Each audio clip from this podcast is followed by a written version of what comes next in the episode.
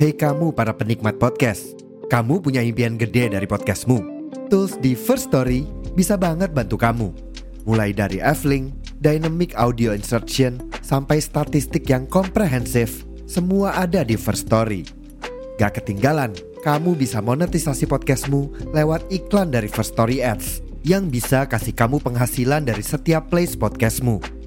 Yuk gabung sekarang dengan klik di firststory.me. Sekali lagi, di firststory.me. Mari kita bawa mimpi podcastingmu menjadi kenyataan.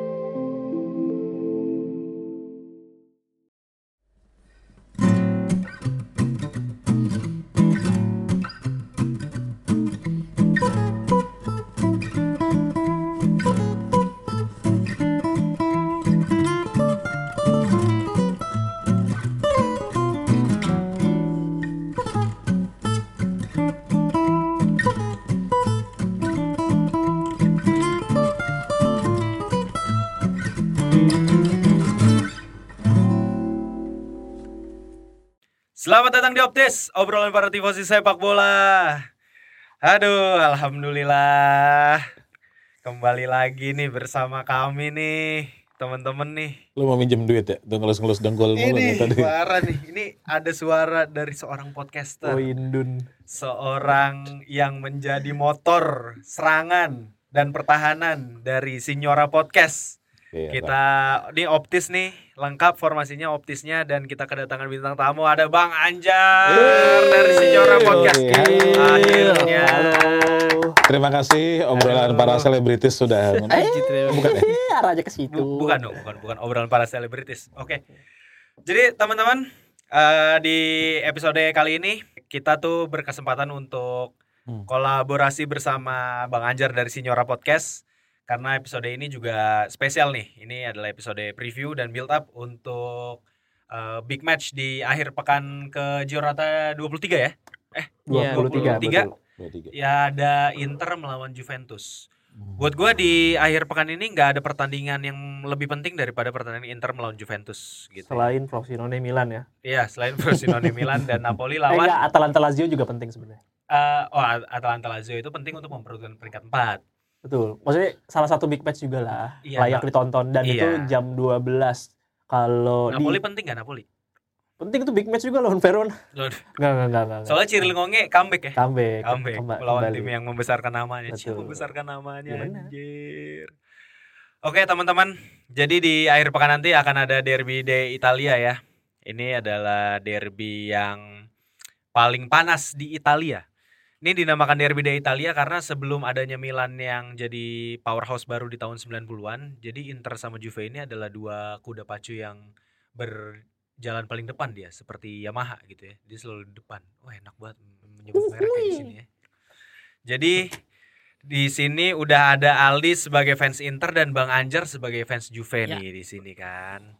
Ya. Nah, Tapi sebelum itu kita bahas Napoli dulu kalau nggak. Enggak, enggak Biar, usah. biar mereka Nggak aja. usah. Nggak usah. Ngapain? Enggak penting. Milan. Frosinone? Hah? Nggak usah. Ya, Frosinone enggak apa-apa, tapi Milannya enggak usah. Milannya nggak usah. Nggak Ah, Oke. Nggak usah, enggak usah udah. Nggak, jadi jadi gini, Rang. Heeh. Kalau gue nanya lu dulu nih ya, Ya. sebelum kita ke dua narasumber kita ke dua ini dua orang yang akan bertanding nih, Ya, Hmm. dua petinju. ya. Kalau lu ngelihat Juventus dan Inter itu tuh apa yang lu expect gitu, Rang? Ya gua expect kalau Tentunya nggak kayak Milan lawan Inter dong. Enggak, ekspektasinya. gua nggak ek- gua nggak mau pertandingan ini sama kayak pertandingan pertemuan sebelumnya di Serie A. Oke, oke. Itu bener- kalau kata Bang Anjar itu kayak pertandingan persahabatan. Kalau kata gua itu kayak kalau Lazio Inter di Supercopa kan kayak Hmm. ini kan pertandingan Oh, antar SSB banget. kan. Iya, bener itu. kayak tim senior lawan SSB manasan. Kalau itu bener-bener ya kalau diibaratkan sedang bercinta tuh baru mulai tidur dulu ketiduran lagi. Lagi mau ngegas di ketiduran. Oh, jadi gitu. kayak nggak ada anti klimaks anti klimaks tidak ada yang menarik dari pertandingan itu. Bener-bener semuanya kayak meraba apa yang harus dilakukan. Nah gue berharap sih di pertandingan ini gue karena per- perebutan posisi pertama pastinya dan juga Juve pasti menurut gue pengen banget buat dapat keunggulan head to head dong karena kan kalau seri Iya. lagi percuma dan goal difference-nya sangat-sangat jauh hampir dua kalinya kan Jadi gue berharap sih akan jadi pertandingan yang penuh dengan drama, penuh dengan sikut-sikutan. Apakah ini akan jadi penentu Scudetto? Siapa yang menang di sini itu dia yang akan ngeraih Scudetto. Menurut lu gimana? Enggak, tetap tetap belum tentu lah karena ini masih Jonata 23, masih panjang larinya. Tapi at least dengan kalau misalkan Juve bisa memenangkan pertandingan ini, seenggaknya bisa pertama membalas eh, kekalahan waktu itu di Coppa Italia yang benar-benar juga panas juga kan pertandingan Iya, iya. itu. Terus yang gue berharap dari sini jadinya Internya jadi lebih kena mental lah. Sebenarnya gue berharap itu aja. Hmm. End, end up-nya siapa pun yang juara buat gue at least pertarungan di posisi atas jadi lebih ketat sebenarnya Hmm. jadi lebih mengerikan gitu loh karena internya juga jadi nggak nyaman di atas biarpun unggul selisih satu poin kalau misalkan tabungan poinnya dipakai dengan baik Ya, kalau misalkan benar. seri juga kan percuma. Hmm. Kalau seri juga percuma ya at least jadi ada tekanan karena historinya Inter tuh kalau udah di posisi atas terus posisi ditekan. penentuan biasanya aneh suka aneh Soalnya iya, dan gap- meleset gap gitu kan. poinnya nggak jauh nggak kayak musim lalu gitu gap poin Iya. satu duanya nggak jauh jadi Iya. itu yang jadi Tiga seru juga buat jauh. Hah? Hmm, Sama posisi tiga juga nggak jauh. yang mana yang sekarang hmm. Nggak jauh banget. nggak jauh tapi Bisa mentalnya agak kosong yang nomor tiga itu aja Mm-mm. sih Karena pelatihnya kepalanya peringkat kosong. sorry sorry peringkat tiga nomor tiga enggak nomor tiga Oh, nomor tiga nggak kosong ya? peringkat tiga Peringkat tiga. peringkat tiga sorry salah nih, teman-teman dengerin dulu lagi. ya Ah, sampai selesai per- peringkat ah. tiga sorry sorry Hmm, hmm, hmm. Oke. biarpun merah juga sih Aduh, wah, Waduh. wah, wah. Ada hitamnya. Merah hitam lagi ada itu. udah udah udah, udah gua Bang Anjar, aja. Bang Anjar. Tapi pertandingan ini akan menjadi penentu Scudetto nggak? Kalau tadi gue tanyain ke, ke Rangga, gue tanyain ke lu sekarang. Apakah ini akan jadi eh, parameter gitu? Yang menang pertandingan ini dia akan ngerebut Scudetto kemungkinan besar gitu. gue gue masih berpikir 50-50 sih sebenarnya karena kalau ngelihat dua tim ini kan konsisten sebenarnya ya Ya. menang benar, terus benar. gitu terus eh, poinnya juga sama jadi dua tim ini punya kemenangan yang identik gitu masing-masing tim ini jadi Walaupun yang satu mainnya atraktif, yang satu mainnya betul gitu-gitu aja. yang satu pragmatis yang satu atraktif gitu ya Mm. Nah kalau ngelihat hasilnya nanti sebenarnya memang bisa berpengaruh kepada mental Oke. Tapi ya Gior ini kan baru Giornata 23 ya. Total masih 36 38 Giornata masih panjang lah sebenarnya. Ya. Oke. Eh, anything happen lah gitu. Kalau di di Juve sih kayaknya sih lurus-lurus aja gitu. Cuman kan yang ba- banyak lika-likunya kan di Inter karena masih main di Eropa. Oh iya benar. Jadi pasti bakal suatu saat dia bakal eh, ada apa yang 12 nyimpen orang cedera gitu nyimpen kan. pemain Wah, lah gitu dong itu misalnya kayak ada ada kayak gitu-gitunya lah gitu.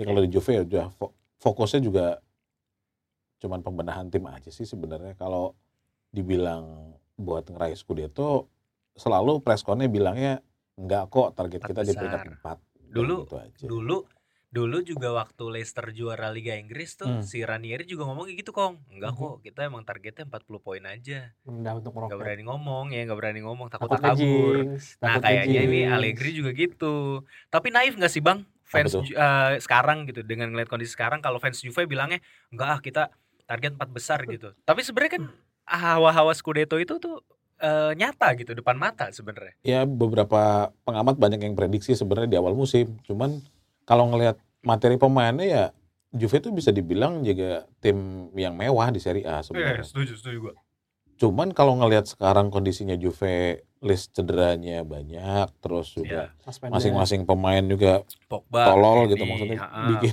bikin kesalahan masing-masing gitu ya.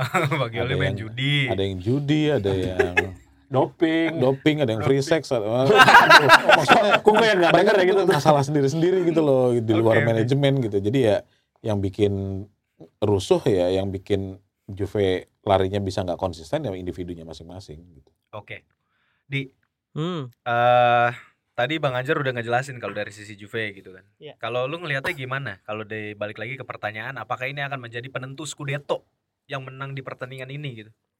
Ya sama. Sama ini masih 15 pertandingan lagi setelah pertandingan ini ya. Terlalu Inter normatif. Ya sama mau gimana Nggak lagi? Namanya juga masih 15 Enggak, ya, pertandingan. nggak setuju gua gitu. Iya dong. Juara abis ini kalau ini menang Oke Bang, gitu kalau misalnya dong. Inter menang lo apa tuh gua Ini podcast nggak nyari rating kan? mood. Enggak, enggak nyari kontroversi aja kita mah. gitu. Kita kan di sini pembenci. Juve semua. Lu apa kayak Enggak, kasih gua nggak benci Juve, gua nggak benci. apa? Ah, gimana Ram? Asik, Ih, gasik. kalau ih kalau off air aja. Iya, Juve jelek-jelekin. tai, klub-klub Mana ada. Enggak gimana ya coba. Lu nggak enak sama Bang Anjar kan lu? Oke lah, gue sama Iya, siapa aja. Bang Anjar udah siap ditangkap ubun-ubun lu. Biasanya di kiper deh kan. Kalau main bola. Oke oke, gimana gimana di? Ya menurut gue sama. Maksudnya ini bukan bukan menuntut Scudetto, cuman eh, untuk mental dan head to head pasti ini sangat berpengaruh. Oke. Dan makanya gue gua di sini malah nggak akan expect Juve akan nahan kayak di episode kemarin. Eh di episode Di kemarin. episode episode di kemarin. di pertemuan kemarin oke. gitu. Ini kan udah kalau Juve dapat hasil seri aja udah sama sama dengan eh, hasil kalah menurut gua. Hmm. Karena Ya, akan kalah ya. head eh, ya head to head sama dan Inter punya tabungan pertandingan. kalah pertandingan dan eh, jumlah selisih gol lebih banyak. Jadi gua gua rasa sih ini emang kalau mau Juve eh, menyalip Inter di sini saatnya yang yang tepat gitu. Dan kalau benar. kalau Benar, misalnya lu bilang Inter yang menang akan Scudetto atau enggak enggak karena Inter kadang-kadang juga masih ngadi-ngadi lawan tim kecil. Kemarin lawan Bolonya seri, Lawan lawan Sassuolo Sassuolo kalah, kalah, iya. terus lawan Genoa juga seri. Kalau Genoa kalau nggak salah ya. Ya, Juve juga gitu loh, Empoli seri gitu kan. Iya. kemarin. Lawan Iya. Sassuolo kalah, sama. Sama. Iya, tapi, Tapi ya- kalau iya ya oke. Tapi kalau Inter sama Juve di sini berbagi poin di, apakah ini Hmm. akan jadi kesempatan buat Milan, Range, untuk merangsek ke papan atas ya? Ya harapan itu selalu Iya, ada, tapi lebih baik harapan itu dikubur sih. biar biar realistis Anda dan Bang Bara ya. buat, buat gua ya. Tolong fans fans Milan yang ada masih ada pikiran ini untuk masih bisa. gitu. Ada itu rasa-rasa disimpan itu dalam dalam Bisa, rapat-rapat di bisa. dalam hati Anda. Jangan dikeluarkan sampai jornata terakhir. Even sampai jornata terakhir poin lu unggul satu poin lu simpen aja dalam dalam hati. bener sih. itu. Karena daripada lu umbar-umbar kalah sedih nanti kayak waktu itu yang ngebanter eh, akun Napoli eh hilang habis kalah makanya maksudnya santai aja santai aja udah prediksi prediksi prediksi 3-0 menang Hmm. Milan 5-1. lima satu makanya santai santai Tapi Relax. tapi tapi Bang Anjar dan Aldi. Ah. Gue ke Bang Anjar dulu. Kalau ngelihat eh, kayak waktu kemarin derby della Madonnina kan, Hmm. banyak yang prediksi karena kan waktu kemarin kan Inter lagi oke, Milan juga lagi oke tuh formnya Hmm, hmm. sebenarnya dan secara permainan sama-sama atraktif dua tim ini karena di awal musim eh, siapa tuh namanya si Pioli juga menerapkan strategi inverted uh, wingbacknya Hmm, itu hmm, dan itu cukup dinamis sebenarnya. hmm. Nah, tapi akhirnya dibantai 5-1. Nah, pertanyaan gua adalah apakah ini akan bisa gitu? Ada skor yang marginnya gede gitu di pertandingan Juve dan Inter ini. Bisa kita expect hal itu nggak? Enggak sih. Kalau kalau gua sih ngelihatnya enggak ya.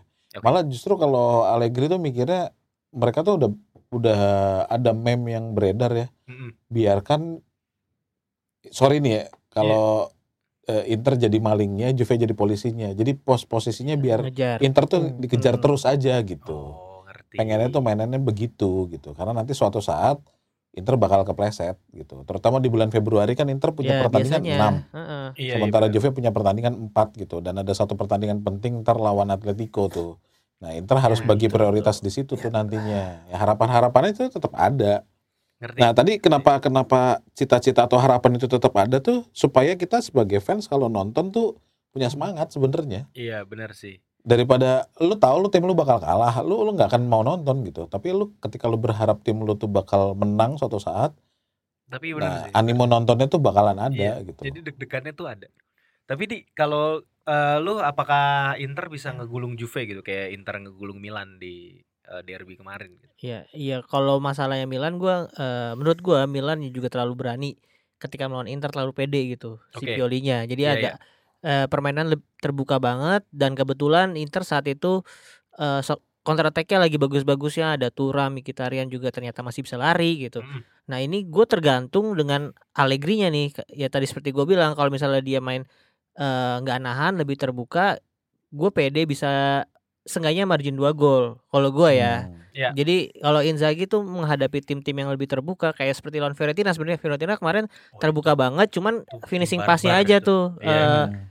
last eh, last passnya last last finishingnya jadi kurang. Nah kalau misalnya lawan Juve harusnya sih mereka lebih fokus ya apalagi ada beberapa pemain juga yang kemarin sempet ya kan karena akumulasi nggak main ba- eh Mkhitaryan Hakan Calhanoglu Barella, terus Barella. ah. Lautaro sama eh, si Marcus Thuram juga di tarik keluar di menit ke-60. Jadi memang udah udah dipersiapkan untuk lawan Juve. Kalau untuk di, dari segi internya sih gua rasa full tim sih karena yang nggak bisa main cuma Cuadrado ya. Hmm. Oh, iya iya, dia Sayang tuh dia nggak pemain main tuh. cedera. Lumayan, tapi gue sebenarnya pengen dia main. karena seru kalau dia lihat dia dihantam lagi sama mantan timnya timnya ya. Yang Iya, pertama iya, pertama iya. kan dia dihantam sama siapa? Alessandro apa sama Awalnya Kostic. Iya Iya, Kostic. Kostic. masuk Sandro Eh, sikat lagi. Iya. Sebenarnya kalau kalau dari eh, waktu itu ada pendengar sinyore yang nonton langsung tuh di sa- di di stadion. di stadion. Mamat ya, Mamat.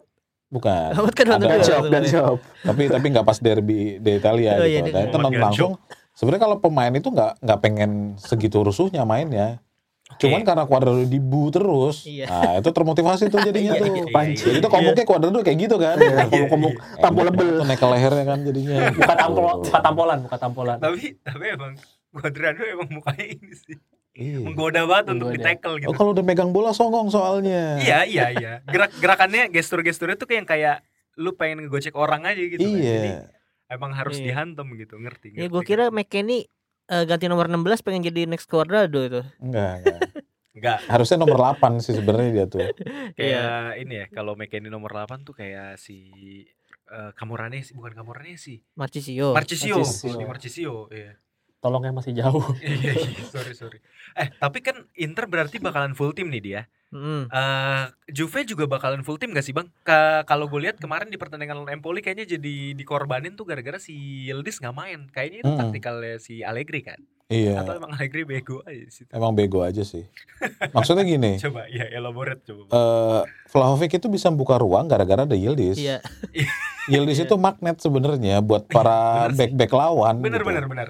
Ya, Ini maksud- anak ini anak unik sih emang bisa narik tiga pemain gitu dia. Iya, Awan Roma tuh bisa narik lima pemain loh dia. Nah, Mm. cuma maksudnya kalau Vlahovic tuh bisa sekarang bisa bikin gol, apalagi golnya banyak dari luar kotak tuh sekarang. Hmm. Karena Nah. dia dia kalau ke mana-mana itu nggak nggak terlalu banyak diikutin pemain gitu. Iya. Nah kalau pas ada Yildiz, ya termasuk banyak lah McKennie bisa.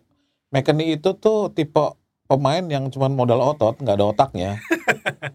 Jarang ada pemain, sorry Gattuso aja nggak sepi, nggak sepinter itu gitu loh. Nah, Pemain yang modal-modal otot itu visinya nggak bagus. Nah tapi setuju. McKennie tiba-tiba eh, punya ruang lebih lebar, jadi dia bisa scanning yang lebih lama Iya, bisa pas bisa crossing ya dengan akurat ya karena semua pemain itu ditarik sama Yildiz ke depan gitu. oh ngerti ngerti. Nah ini Rangga Iya. juga merhatiin. Kita kan hatersnya Juve nih bang. Iya. Hmm. Tapi kan kita gitu benci-benci nonton Iya. tapi. Kita kan benci Iya. kalau ngatain kan harus ba- basisnya data ya, sama Ah, basis benar, penampilan. benar, benar. Iya, benar. Dan benar. apa? Jadi menurut gua kayaknya Miretti kemungkinan besar mesti lo pinjemin ke either Bournemouth. jadi tim-tim Inggris supaya dia belajar sepak bola tuh mainnya gimana. Kan Kayak Eh, McKennie ya berarti. iya, Ah. McKennie tuh pulang dari Leeds jadi orang yang berbeda loh. Mesti diakui beda banget di musim pertama. Maksudnya dia pertama masuk dengan permainannya yang membingungkan buat gua. Hmm. Terus dia cabut ke Leeds, gua nggak nonton. Tuh biasanya yang di Leeds gua nggak terlalu Hmm, merhatiin. Dan gua kira juga bakal dijual. Eh ternyata ditarik balik. Mainnya beda banget dan mainnya lebih lebih lucu sih untuk gelandang yang bisa bermain le- ngelebar dan bisa membantu dan crossingnya bagus-bagus banget mesti diakui. Itu menurut gue pemain yang beda sih musim musim ini buat buat Juventus mesti diakui Iya sih. itu. Paling Karena- the iya. most improve lah. The most improve lah dibandingkan yang lain ya. Iya. Buat gue the most improve. Ya, karena dia kan modalnya cuma walk rate doang. Hmm. Iya tapi Modalnya tiba-tiba bisa umpan-umpan kayak gitu kan Iya, ajaib iya. bang. Iya, makanya dari kemarin tuh ada ada yang nanya, kenapa sih McKennie tiba-tiba bisa kayak begitu gitu. Hmm. Nah, kita kita tuh seminggu tuh nyari nyari data kenapa dia bisa kayak gitu Hmm. gitu. Oke. Pertama eh ya pasti dia improve karena waktu dipinjemin ke Leeds dia tuh sebel sebenarnya. nggak mau dia tuh. Oh, Oke. Karena dia terus udah suka banget sama du- Italia. Ah, ah, dugaannya bakal dijual. Tapi ternyata di luar itu McKennie tuh orangnya humble di Oh, di iya. luar Nah. pertan per, eh, di luar Di lapangan luar gitu. Lapangan. Ya cuman eh, mungkin dari situ dia bisa eh, absorb beberapa eh, karakter-karakter permainan gitu. Itu sih yang gue lihat. Jadi dia visinya Ah, jalan, see, I see. positioningnya juga bagus, Bagus. gitu. Makanya ketika pas nyerang, tiba-tiba nih bocah modelnya kayak Kedira, pemain pemain Jerman Iya. yang tiba-tiba ada di depan yang siap buat eh, Nyergap bola gitu kan. Iya ngambil bola muntah, entah kayak model model-model kayak Muller gitu. Tapi ketika bertahan dia tiba-tiba kayak Matuidi, kayak pemain-pemain Iya. DM DM-nya Prancis. Udah Benar. udah jadi pagar pertama buat pertahanan. Udah gitu modalnya paru-parunya lima. Jadi ya bagus sebenarnya dia Iya. tuh. Jadi konsentrasinya nggak turun-turun tuh sepanjang pertandingan lumayan Iya. lah ya. Jadi iya ngerti ngerti ngerti. Dia minum Absurd. ginkgo biloba. Ginkgo biloba. konsentrasinya bagus. Tapi dia absorb ya, berarti kata kuncinya tuh si McKennie ini Hmm. absorb gitu ya dari dari pemain-pemain lain, dari lingkungannya dia gitu. ya. Dan It's menurut gue mungkin nambahin dan Hmm. menurut gue kayak McKennie tuh anomali orang Amerika tau. Orang Ya. Amerika tuh gak, gak nyaman tau tinggal di Eropa spesifik mungkin Itali. Dan dia tuh bi- dalam mungkin tiga tahun ya, bang ya sekarang ya. Tahun Eh, ya ketiga. tahun ketiga. Tahun ketiga satu dikurangin satu tahun di Inggris, dia tuh udah bisa bahasa Itali loh. Beberapa kali interview pakai bahasa Itali dia. Iya. Itu membuktikan bahwa dia Adaptasinya adaptasi dan memang adaptable. suka. Mainnya jauh aja dia sebenarnya. Iya. Hmm. Iya sih, cuman Anaknya mungkin asik. dibandingkan kayak Pulisic mungkin belum Anaknya belum asik ya. Belum yang orang Amerika lain yang bermain di luar Amerika tuh salah satu yang mungkin cukup adaptasi. Ini ini gua nggak tahu akan menyinggung apa enggak ya, Eh. tapi ketika Bingung dong. orang-orang Ya, ayo dong, ayo dong. Ayo dong. Tanpa bermaksud rasisme ya, tapi Iya, kalau iya. orang-orang Amerika kulit putih, biasanya mereka punya pride sebagai orang Amerika. Ah, iya. Lo yang ada di sekitar gua yang White harus power, nganggep power. gue gitu. Iya, iya. Tapi iya. ketika dia dari sorry dari kalangan kulit hitam, nah dia tuh biasanya lebih mingle ke kanan kirinya gitu. Iya. Jadi bisa diterima di banyak tempat. Pantes Mamat jago banget ya. Parah. Kok jadi Mingle, mingle. Kok jadi gitu? Lah ini dan kan gue cuma mengabsorb omongan iya. Bang Tapi kan nggak ke mama. Iya. Oh iya Amerika ya. Kan. Sorry sorry sorry. Sorry. terlalu dekat. Oke, Lang. Sebelum gua tanyain pertanyaan selanjutnya gitu ya Iya. dan bagaimana head to headnya Inter dan Juve ini akan Mm-mm. berjalan dan kita Hmm. minta prediksinya Bang Anjar dan Aldi gitu ya Iya. untuk bayangan pertandingan itu seperti apa. Iya. Ini kita masuk segmen Merda dulu nih, Merda merangkum boleh. data.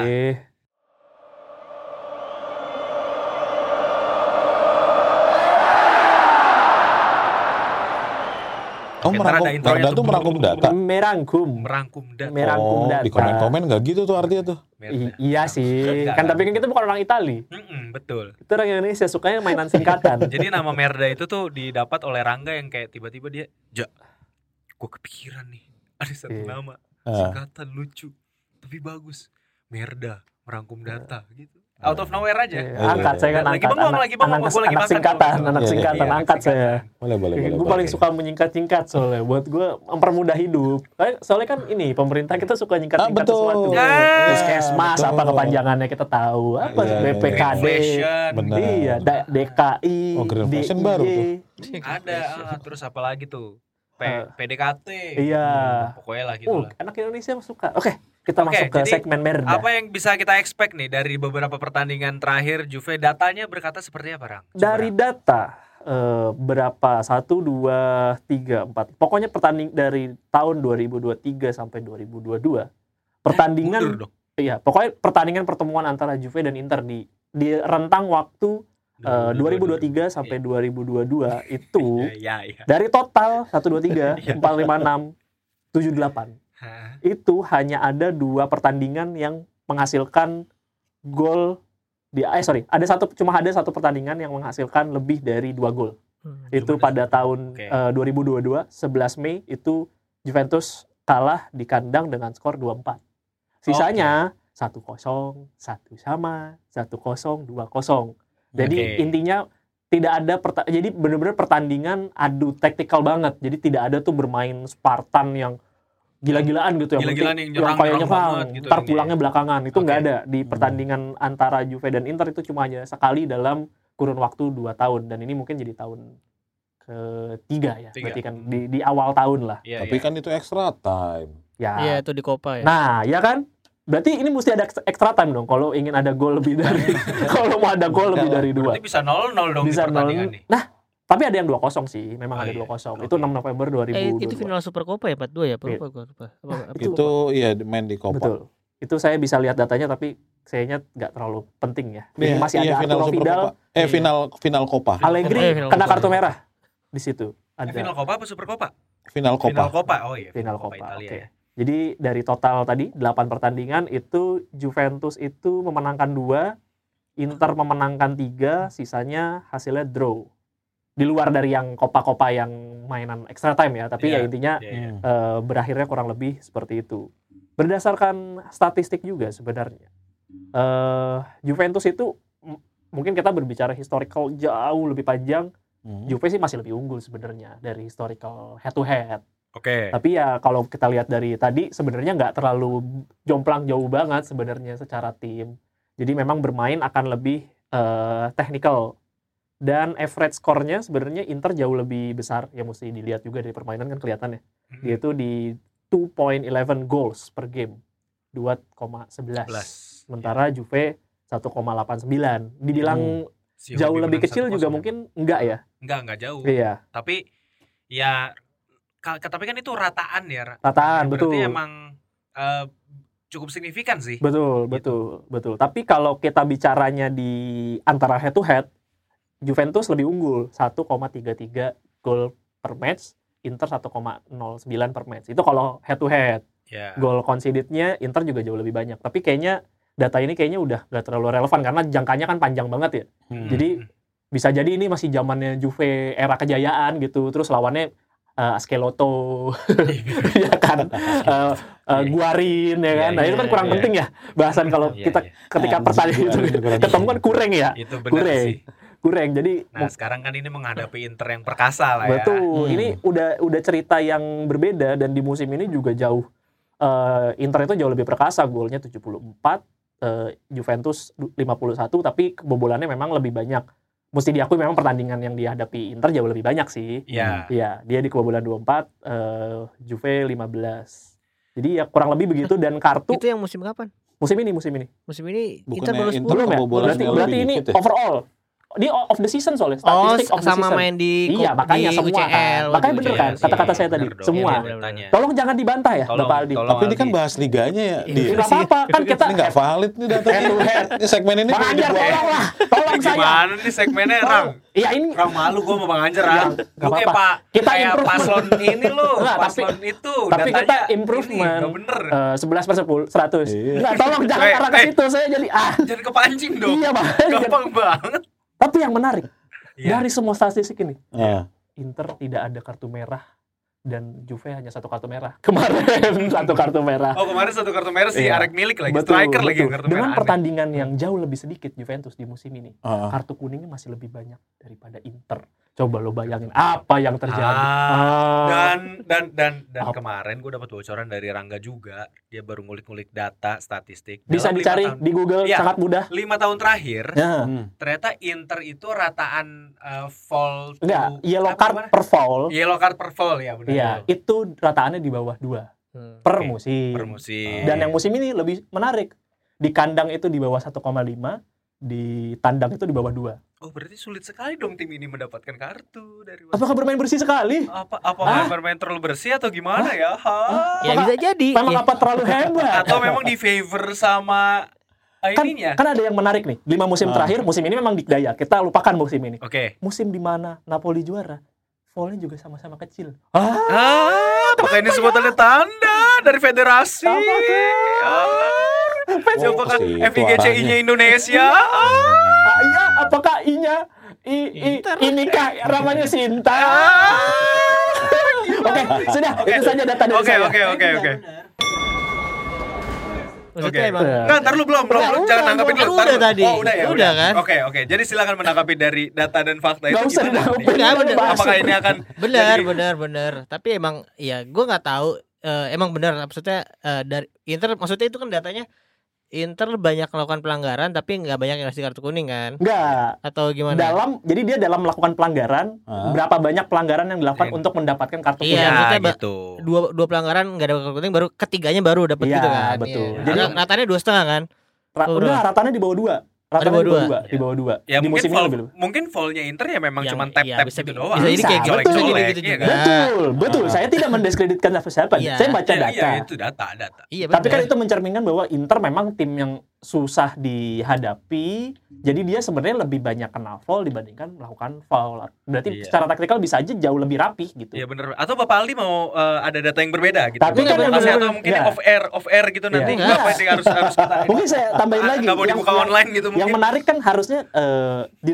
musim lalu pada saat Napoli juara, dia itu kan eh, rataan kartu kuningnya memang paling rendah. Iya. Ta- tapi itu berbanding lurus dengan ball possession. Karena kan Oh. karena dia banyak memegang Megang bola, bola. berarti akan sering dilanggar. Iya Ah. benar, benar. Inter di sisi lain ball possessionnya cukup kecil.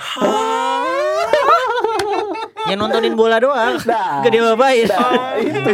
Masa ya bola ditaruh di tengah di Apa iya? Apakah itu main Apa iya? Apakah main FIFA amatir? Apa Tidak iya? mungkin dong. Eh, satu data lagi saya lupa. Apa? Inter musim ini dapat 9 penalti di Serie A. Hmm. Ah. Sementara Juve itu tidak pernah Dapat dapat penalti. penalti. Bukan Tidak dapat penalti, kena tidak kena pernah penalti. bikin Memberikan penalti. penalti pada Iya. pada pada tim musuh di musim ini. Iya, Iya. tapi kan Nah. belum belum tentu eh Enggak. Apa? Jadi Apa? pertanyaannya apakah iya iya belum apakah kutukan ini akan pecah gitu Iya. maksudnya? Iya, apakah Iya, Inter iya, akan iya, mendapatkan iya. penalti nih Iya, di apakah sini? Inter mendapat penalti Iya. dan ataukah eh, Juventus dapat pelanggaran penalti pertama untuk eh, untuk Inter gitu. Jadi memberikan penalti untuk Inter pertama Iya. kali. Iya. Coba Aldi dulu deh, coba Ayo, gimana Iya, tapi berarti dengan statistik itu kan belum tentu eh Juve dibantu wasit dan belum tentu juga eh bisa jadi juga karena memang pertahanan Juve yang bagus di kotak penalti. Bener. Iya kan? Lah gue setuju.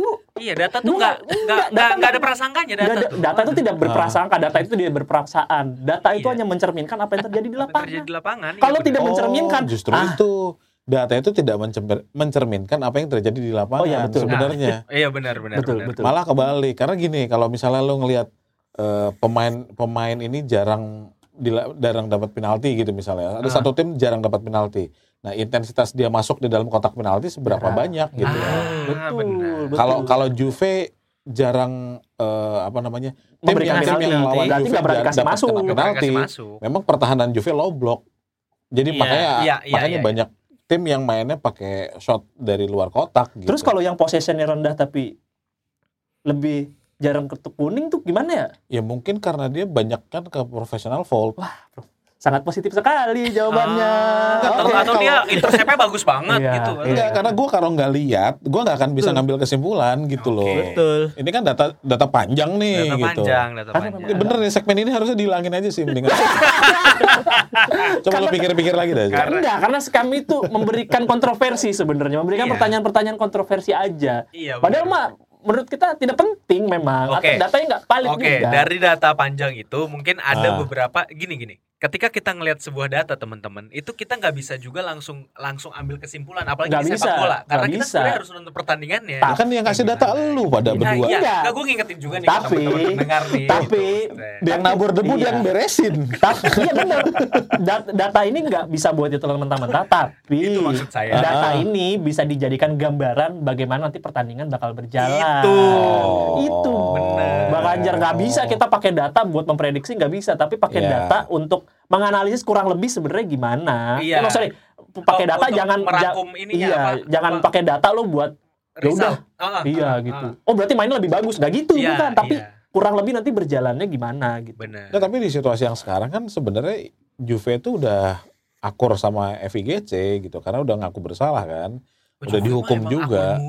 Enggak, Dari dulu iya. dari dulu? Ini jujur Juve itu Iya. dulu emang akur. Juve itu anak emasnya Liga Italia se- dari Iyalah, dulu. Iya orang gitu. yang paling source duluan income. ini. Enggak, maksudnya Cuan. memang karena kan di Eropa juga Ngasih kontribusi. soalnya. kontribusi, Iya, kasih mesti diakui kayak kayak Manchester City. Kenapa sampai sekarang 135 pelanggaran dibandingkan yang satu tim 10 pelanggaran aja langsung dikurangin poin?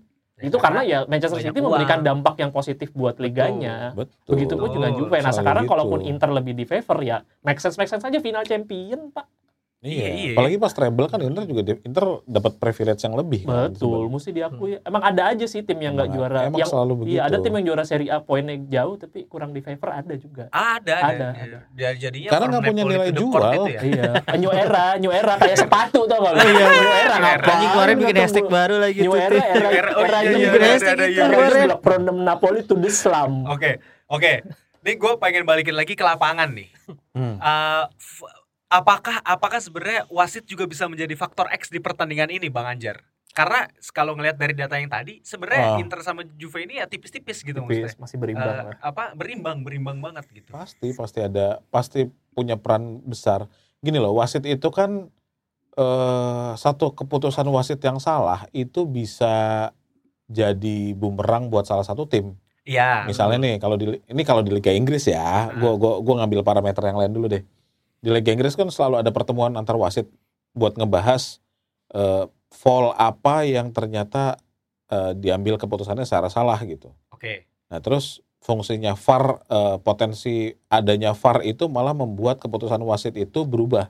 yang tadinya 92% benar Mm-mm. menjadi 98% benar. Oke. Nah, fungsi VAR memang gede banget, tapi sekarang balik lagi. Eh, wasit itu punya kecenderungan gini. Nanti ketika Juve eh, dapat kontroversi, Mm-mm. supaya itu wasit nggak dibilang memihak Inter Nah, di babak kedua, itu akan dikasih satu gitu. Iya iya itu kayak waktu Inter lawan apa ya? Verona. Nah, Iya, lawan Verona Iya, ya, yang yang pernah lu Inter- bilang. Ah, Inter yang eh, banyak yang bilang yang Frates gol Fratesi hmm, yang Bastoni itu nyikut. hmm. Nah, akhirnya si Verona dikasih penalti kan di Penalti, ujung-ujung nggak juga kan. gol. Nah, itu kayak kayak ada favor juga menurut Iya. eh, gua sama Bang Bara waktu itu ngomong kan. Tapi gue nggak setuju lagi. Tapi Bang emang Anjar. tapi emang gue setuju. Kadang-kadang eh, pe- pandangan wasit itu ketika dia kayak bikin kontroversi atau bikin salah, dia bikin- juga kayak ada pengen redeem. bikin eh, redeem Iya, gitu. Tapi menurut gua kan jadinya kayak ya profesionalitas lo dipertanyakan kan kenapa lo harus memberikan kayak membalas ketidakadilan yang lo lakukan padahal emang yang lo yang Ya, itu salah gitu. manusiawi, Ram. Betul. Ya Masih maksud of tapi human. profesionalitas dipertanyakan dong. Kayak misalkan Betul. nih lo bikin bikin rugi perusahaan 100 lu maksudnya nggak mengganti dengan 200 dari duit orang lain dong tidak begitu Ya, caranya Iya Hmm. sih. Maksudnya jadinya tidak ada yang profesional dari du- kedua hal itu yang bikin lo salah serah. Ya dengan adanya VAR kan tugas utama VAR adalah meminimalisir kejadian kesalahan dari human itu sendiri. Dengan Oke. adanya VAR human error masih terjadi buat gue buat apa ada VAR? That's the point sebenarnya. Buat gue kan yang gue bahas di Ya. Pinsport Iya, juga iya. gitu. Kalau ada VAR harusnya kejadian-kejadian kayak gini di bawah satu persen. Ini tuh ini masih ti- Harusnya cukup tinggi, ya, masih gitu, masih cukup itu. tinggi Ah. kayak misalkan ada kejadian pelanggaran dia lihat hanya dari satu sisi Hmm. padahal ada beberapa harusnya kita bisa dengan ada teknologi itu kan bisa ngambil dari beberapa angle jadinya bisa ngambil keputusan yang lebih legit Hmm. Atau yang kejadian yang offset waktu itu yang eh, Juve eh, Bang Anjar kan Yang itu kan pure offset Yang kan Rabiot, Hmm. Rabiot. nah ya. tapi VAR-nya Oh, hanya iya, ngambil dari satu angle jadi bilangnya kan onside Hmm. itu juga itu buat gue lucu harusnya kan lu punya kalau lu punya kamera berarti kan lu punya beberapa angle kan untuk menyesuaikan itu tapi memang mesti diakui kan waktu yang harus dilakukan cukup ketat kan Harusnya. jadi lu mesti cepet gitu Iya, ngambil benar, keputusannya benar. tapi ya Hmm. balik lagi buat gue mesti diimprove sih Oh ingat itu gua sendiri. golnya Rabiot yang di Rabiot flick flick yang dari Vlahovic itu iya. ya. Oh iya Iya. iya. dan Itu, FIGC iya. kan Iya. CAIA udah ngaku kan bahwa itu memang harusnya offset kan Oh iya. iya betul itu itu gue udah baca beritanya beberapa kali sih Wah, jadi ini dua tim yang sama-sama di favor bukan dong. buat Oh, gue AIA-nya goblok gue nggak setuju soalnya gue nggak setuju marotalik apalik gitu maksudnya gue Iya, tapi iya, memang iya. penuh dengan kontroversi FIG, Iya. FIGC itu iya, penuh iya. dengan kontroversi karena pasti ada aja gue bisa nonton ada. pertandingan apa pasti Iya, ada yang lebih diuntungkan Iya, lu lawan Iya, lu pasti, nonton pasti. Verona lawan Frosinone juga pasti ada. Pasti Maksudnya ada. kar- kita, karena kita nggak terlalu nonton aja. Iya, Ah, dan bukan tim gede aja Karena bukan tim gede aja. Tapi gini gini, teman-teman. Berarti gue bisa expect eh, emang ini pertandingan yang ketat dan faktor wasit tadi akan sangat menentukan gitu ya. Iya. Iya, faktor Pasti jadi sih faktor ya. Gue berharap ada seadil-adilnya aja lah ini karena sebenarnya seru nih pertandingan. Nah, Mereka atau kayak pertandingan apa ya waktu itu? Yang yang pokoknya wasitnya sebenarnya ngasih play on aja. Biar karena pertandingan oh, Juve waktu itu? Juve lawan apa ya? Gue lupa. jadi permainannya cukup keras. Hmm. jadi wasit itu jadi lebih ngasih kayak nggak nggak gampang ngasih pelanggaran. Jadi permainannya Hmm. jadi lebih fluid dan lebih cepet. Bisa. apa ya? Gue lupa. Juve lawan siapa waktu itu? Gue nonton kok. Lawan itu- Roma. Roma ya? Sih? atau siapa ya? Gue lupa. Kayaknya lawan Roma yang jadi wasitnya tuh nggak gitu. nggak ringan dengan untuk memberikan pelanggaran. Maksudnya sentuhan ringan lanjut play on ini play on play on bisa, jadi bisa. pertandingannya jauh lebih seru dibandingkan memang lebih adil tapi kayak untuk pelanggaran sekecil itu ngapain sih gitu Iya, iya. kayak gitu sih buat gue karena Nah. itu yang menarik sih nah ngomong-ngomong wasit, ya wasit itu udah ditunjuk untuk Juve lawan Inter itu Fabio Maresca. udah pasti Udah udah pasti. Udah, udah ditunjuk. Ini Dan ini ini. gue Oh. sebutin ya, wasit Fabio Maresca, hakim garis 2 Carboni sama Gialatini. Nah, wasit keempatnya Doveri. Nah, Doveri Nah, juga lumayan ini nih. Terus wasit VAR-nya ada Irati, wasit asisten VAR-nya ada Di Paulo. Nah, Gila. Masih jauh loh ini pertandingannya. ya emang gitu lu. Enggak, kalau lu hidup di mana kalau sih begitu? iya Emang Ya, gitu. emang gitu, emang Liga harus hamin Indonesia satu. bisa hamil Eh, satu. iya, Iya. bahkan orang lagi nganggur disuruh jadi wasit nggak gitu Ya, ini pro enggak. liga profesional mas Kocokan wasit kan ini justru kan wasit harusnya bukan dipilih Hamin satu biar nggak ada biar nggak ada suap Suap-suapan. Menyuap suapan, Hmm. suap-suapan, romantis justru banget. malah kenapa lebih bagus kali dari dari jauh-jauh hari biar gampang dipantau Ya, daripada nanti dekat-dekat ya kan deket-deket pas nggak orang kan nggak tahu kan Iya, padahal wasit itu udah tahu, tapi orang belum tahu. orang belum tahu Iya, jadinya udah ada kejadian eh, Bener, di bawah tangan ya kan Make sense, make sense. Hmm. maksudnya kayak gini udah jauh-jauh Tapi udah, gue gak mau suzon kayak gitu. enggak, Enggak, enggak, enggak, Iya, iya. Ya tapi menurut gue pasti ada lah lah Iya. Qua- Quagliarella di apa di apa namanya Diciduk polisi bukan apa? diancam apa namanya di, Diancem di, itu di, di blackmail, di- blackmail, blackmail, apa, di blackmail itu mah polisi pak dan itu udah ada kejadiannya jadi memang ah gitu. Ah, udahlah, udahlah. Italia itu sama aja sama Hmm. kayak negara apa ya nggak lanjut Ah, lanjut negara nih. Ya, ya ngomong-ngomong Fabio Maresca, dia musim ini Hmm. udah mewasiti Inter dua kali. Pertama Hmm. itu lawan Lazio, eh enggak itu Lazio terakhir lah. Bang, mulut lu kemik, Bang. Gua apa siapa nih? Lu, lu. Gua. Ya, Inter udah eh Lazio eh Inter lagi. Fabio Maresca udah ngewasitin Inter waktu lawan Oh. Roma dan lawan Lazio. Dua-duanya tim kota Roma dan dua-duanya Inter menang. Waktu lawan Roma, Maresca Hmm. ngasih tiga kartu kuning waktu eh iya ke Inter, empat kartu kuning ke Roma. Waktu lawan Lazio la- kasih dua kartu kuning ke Inter, satu kartu kuning ke Laz- Lazio dan satu kartu eh double yellow card ya kalau nggak salah ke si Lazari. Jadi waktu itu kartu merah si Lazio-nya. Nah, untuk ke Juve sendiri, Juve juga udah diwasitin satu kali. Itu waktu lawan Lazio juga. Hmm. Di situ Lazio dap- eh Juve dapat lima kartu kuning, satu kartu kuning untuk La- Lazio. Eh, Ju- tadi bener kan? Juve 5, Lazio 1. Skornya Hmm. 3-1. Jadi untuk kedua tim ini sejauh ini Maresca eh, ngasih kemenangan ke dua-duanya nih. 100%. Ini Ya, Palermo- yang Palermo kemenangan kan? kali ya, Ini maksudnya. Par Paresca ini ya. Palermo ya bukan Napoli. Bukan, bukan bukan. bukan mantan pemain ini. Oh, bukan mantan pemain. pemain. Bukan lu Ngapain lu? Ngapain itu? aja? Enzo Maresca. Eh lu tapi tahu nggak Enzo Maresca? Tahu namanya. Leicester. Iya. Pelatihnya Leicester. Eh, emang iya Iya, sekarang. Iya, keren iya. banget loh.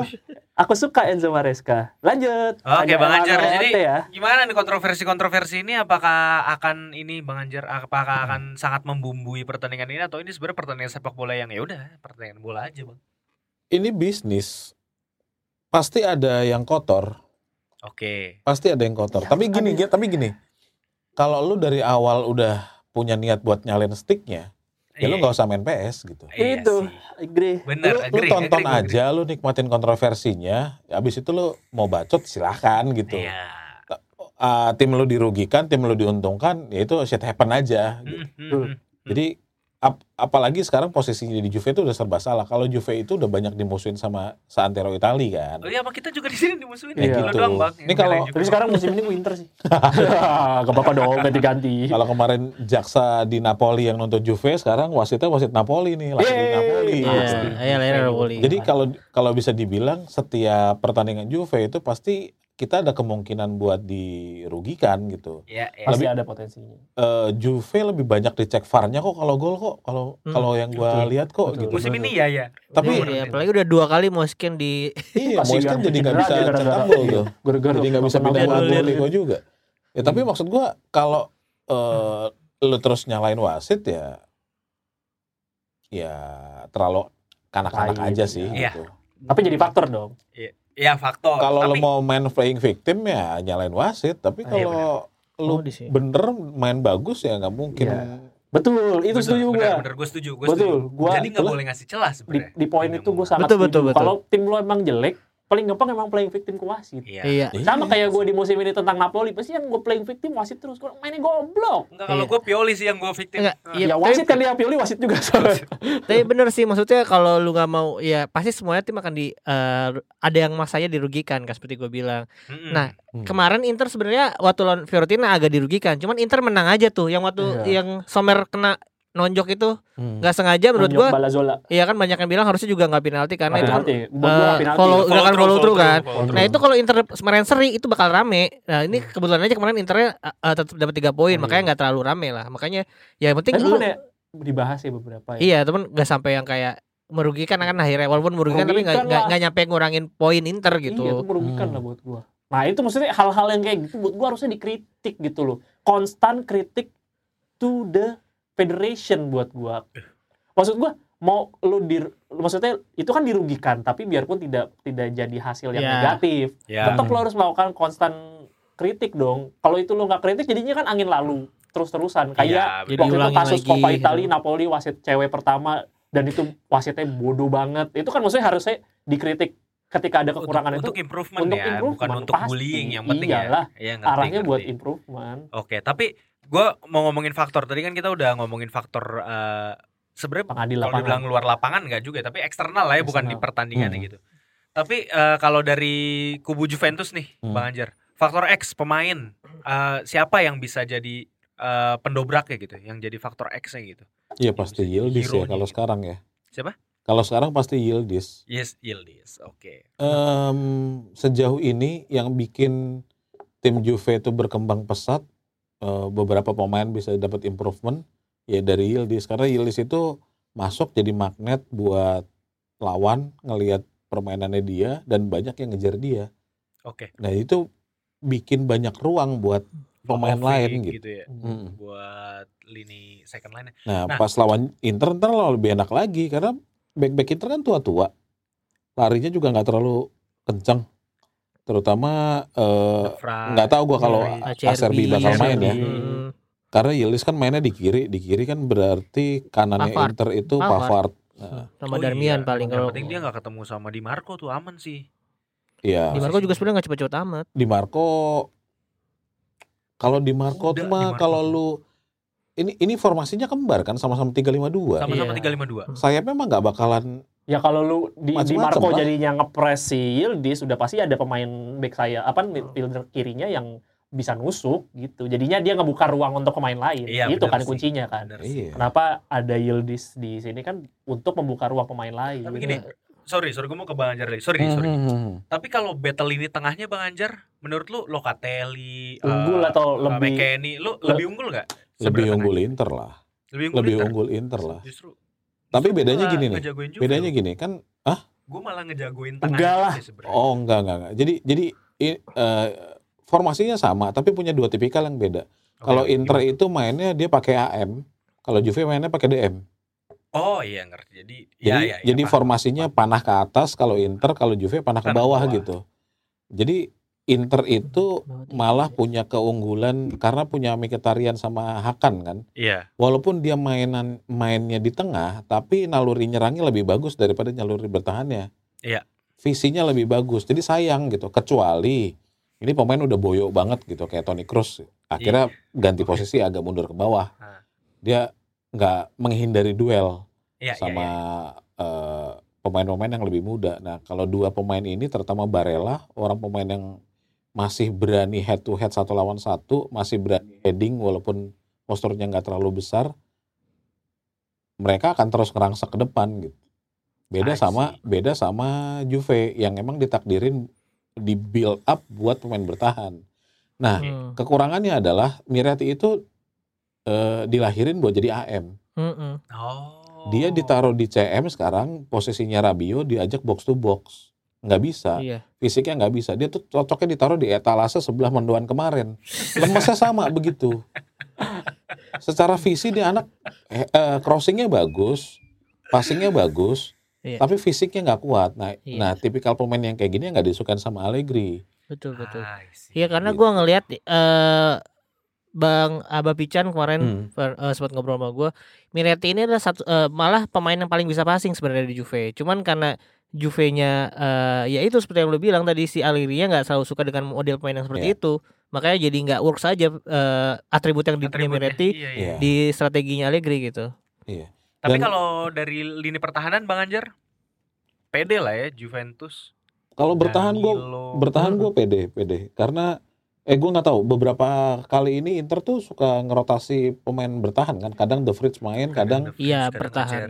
Kadang Acerbi, Acerbi The gitu. Fridge, Bastoni, Bastoni. sama Pavard dan Darmian sih kadang-kadang yang dirotasi. Maksudnya ya kelima pemain itu ya dirotasi nanti si Acerbi yang di kiri, Hmm. kalau si Acerbi di kiri nanti De Vrij yang di tengah.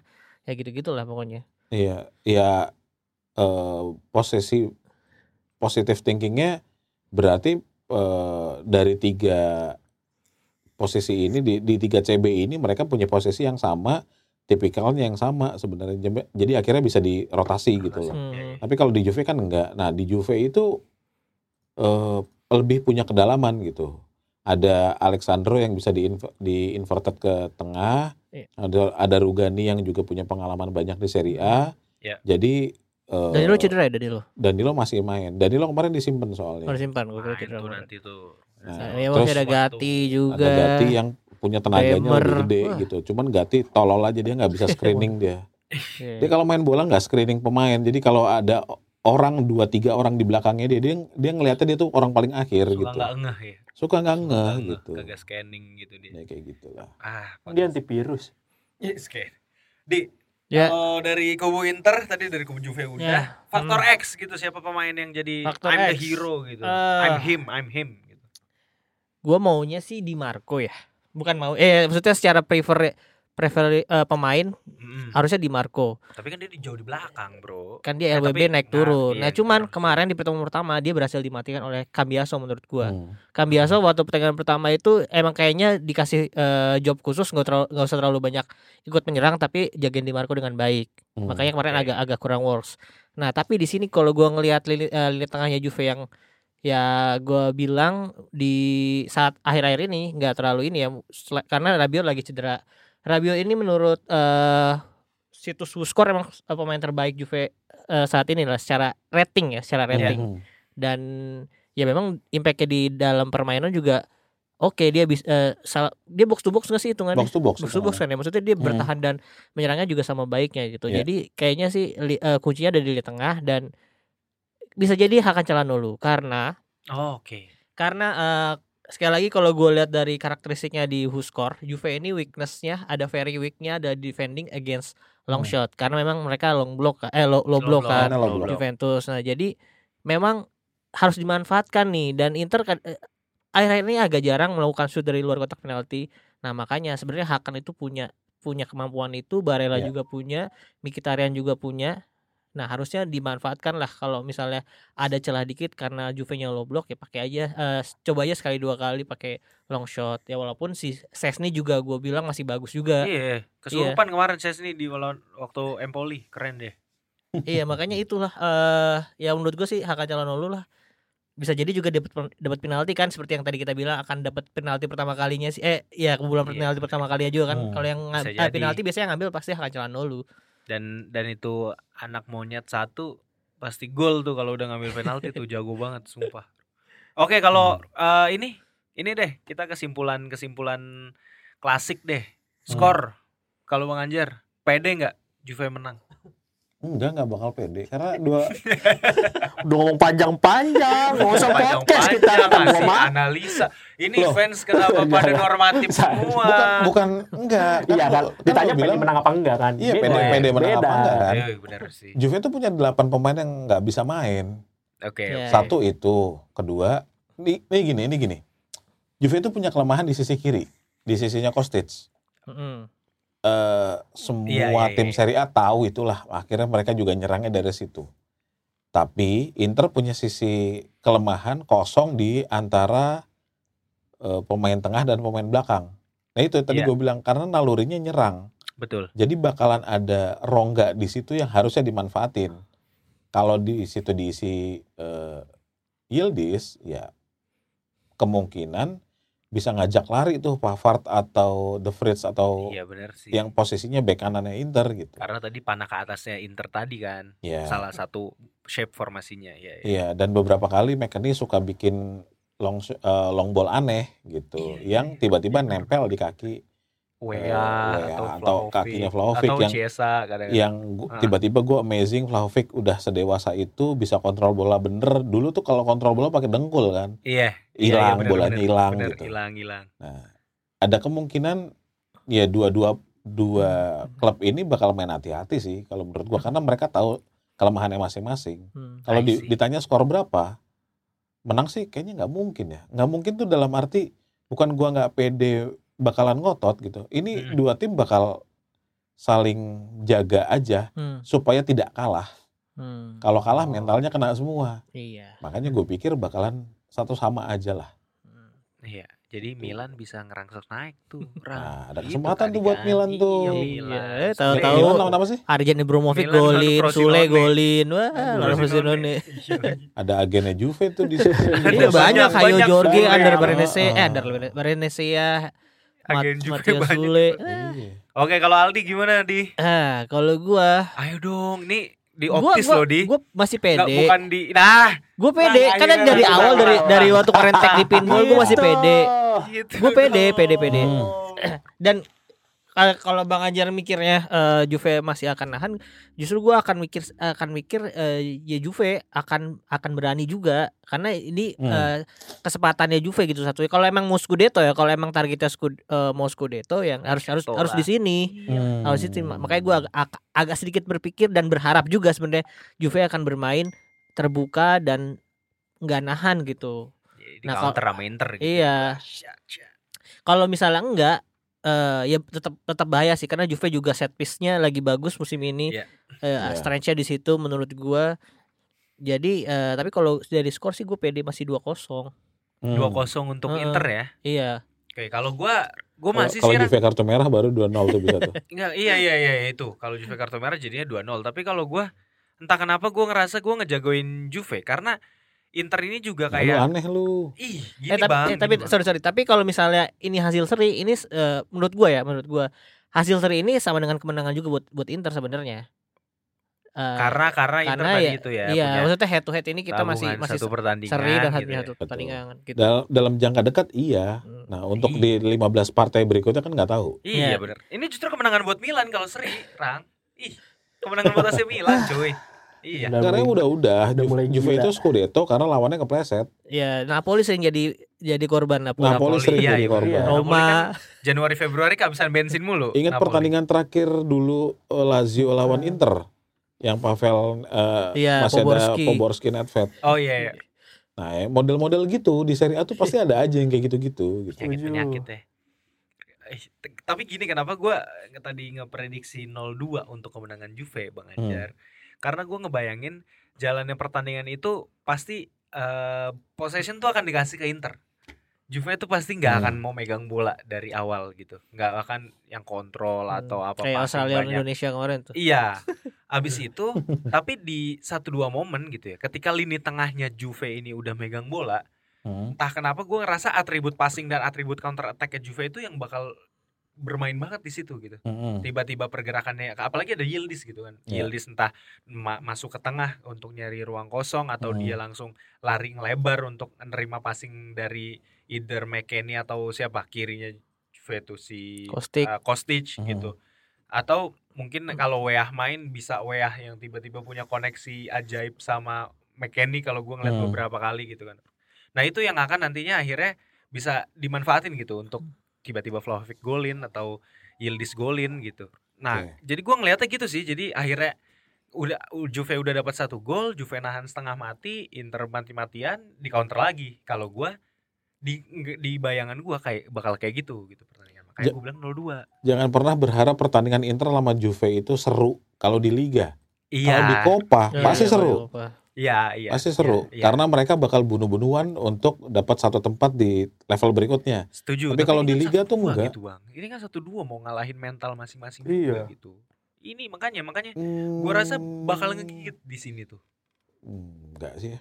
Enggak ya kalau menurut gue ya. Oke, kalau lu lurang, kalau lurang, Ini bukan pesimis ya. iya ngerti, ngerti, ngerti. Realistis justru kalau lu tuh, Bang.